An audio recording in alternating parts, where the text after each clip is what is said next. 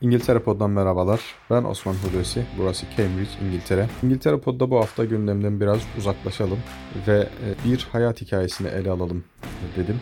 İngiltere'de son 100 yılda yaşamış, son 100 yıla damgasını vurmuş isimlerden biri olan e, ve 100 yıla yakın bir hayat yaşayan Jack Jones'u anlatacağım bugün size. Jack Jones, ticaret birliği baronlarının sonuncusu olarak da anılabilecek bir isim.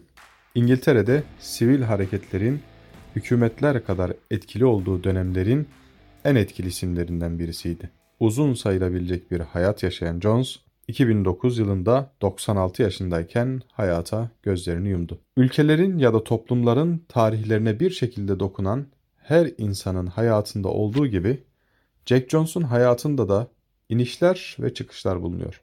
Jones 1960'lı ve 70'li yıllarda İngiltere solunun en etkili ismi olarak anılır.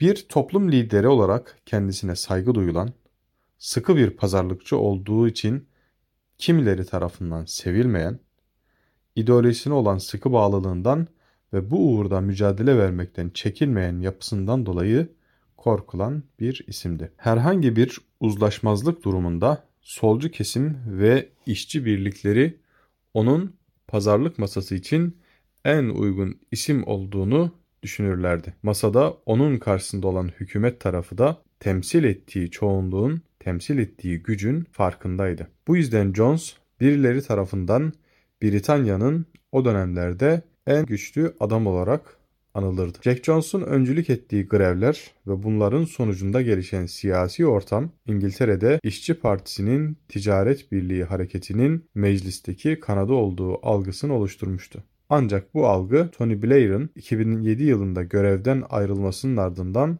artık tamamen mazide kalmış bir hatıraya dönüşmüş oldu. 1913 yılında Liverpool'da dünyaya gelen Jones, 1927 yılında henüz 14 yaşındayken İşçi Partisi'ne katıldı. Bu yıllarda iş hayatının da içine giren Jones, çalışan sınıfı yakından tanıma fırsatı bulmuş ve onlarla birçok eylemin içerisinde yer almıştı. Jones hayatının ilham kaynağı olarak Marksist teorinin temel kitaplarından sayılan Robert Tressel'in Baldırı Çıplak Hayırseverler kitabını gösteriyor. Jones iş hayatının ilk tokatını 1929 yılındaki küresel buhran sırasında işsiz kalarak yemiş. Jack Jones takip eden yıllarda işçi haklarını savunan işsizlik karşıtı faaliyetlerin içerisinde yer alan birisi olmuş. Daha sonra İspanya'daki iş savaşa dahil oluyor. Burada Avrupa'da faşizmin yayılmasına karşı mücadele veriyor. Bu onun hayatının geri kalanının nasıl şekilleneceğine dair önemli bir ipucu olarak okunabilir. İspanya'dan dönüşte mücadelesini sokaktan masaya taşımanın ilk adımlarını atan bir Jack Jones çıkıyor karşımıza. 50'li yıllarda Ulaşım ve Genel İşçiler Birliği'nde çalışmaya başlayan Jones, birliğin genel sekreteri Frank Cousins tarafından birliğin ulusal temsilcisi olarak atanıyor. Cousins'ın 1968 yılında emekli olmasına kadar görevde kalan Jones, bu sırada birlik için önemli bir figür haline gelmiş ve Cousins'ın yerine seçilen isim olmayı başarmıştı. 1970 yılının başlarında ülkenin birçok yerindeki atölyelerde veya üretim hanelerde irili ufaklı grevler baş göstermeye başlamış ve bu grevler muhafazakar hükümetin başını iyiden iyiye ağrıtmaya başlamıştı. Dönemin Çalışma Bakanı Barbara Kessel bu grevleri sonlandırmakla görevlendirilmişti. Ancak Kessel hem çalışanların şartlarını düzeltme konusunda başarısız olmuş hem de hükümetin içerisinden özellikle de İçişleri Bakanı Jim Callaghan liderliğinde kendisine karşı yürütülen kampanyaya yenik düşmüştü. Diğer taraftan birlikler grevleri yapmaya ve yönlendirmeye devam ediyordu. Hükümete muhalif hareket eden yapılar arasında solun lideri Jones olarak görünüyordu. Jones'un yönettiği kalabalık güruhun içerisinde Komünist Parti'nin de önemli bir kanadı bulunuyordu. Diğer yandan Mühendisler Birliği'nin başında olan Hugh Scanlon da önemli bir muhalefet yürütüyordu. Bunların neticesinde hükümet daha fazla dayanamadı. Edward Heath'in başında bulunduğu Muhafazakar Parti iktidarı zor günler geçiriyordu artık. 1971 yılında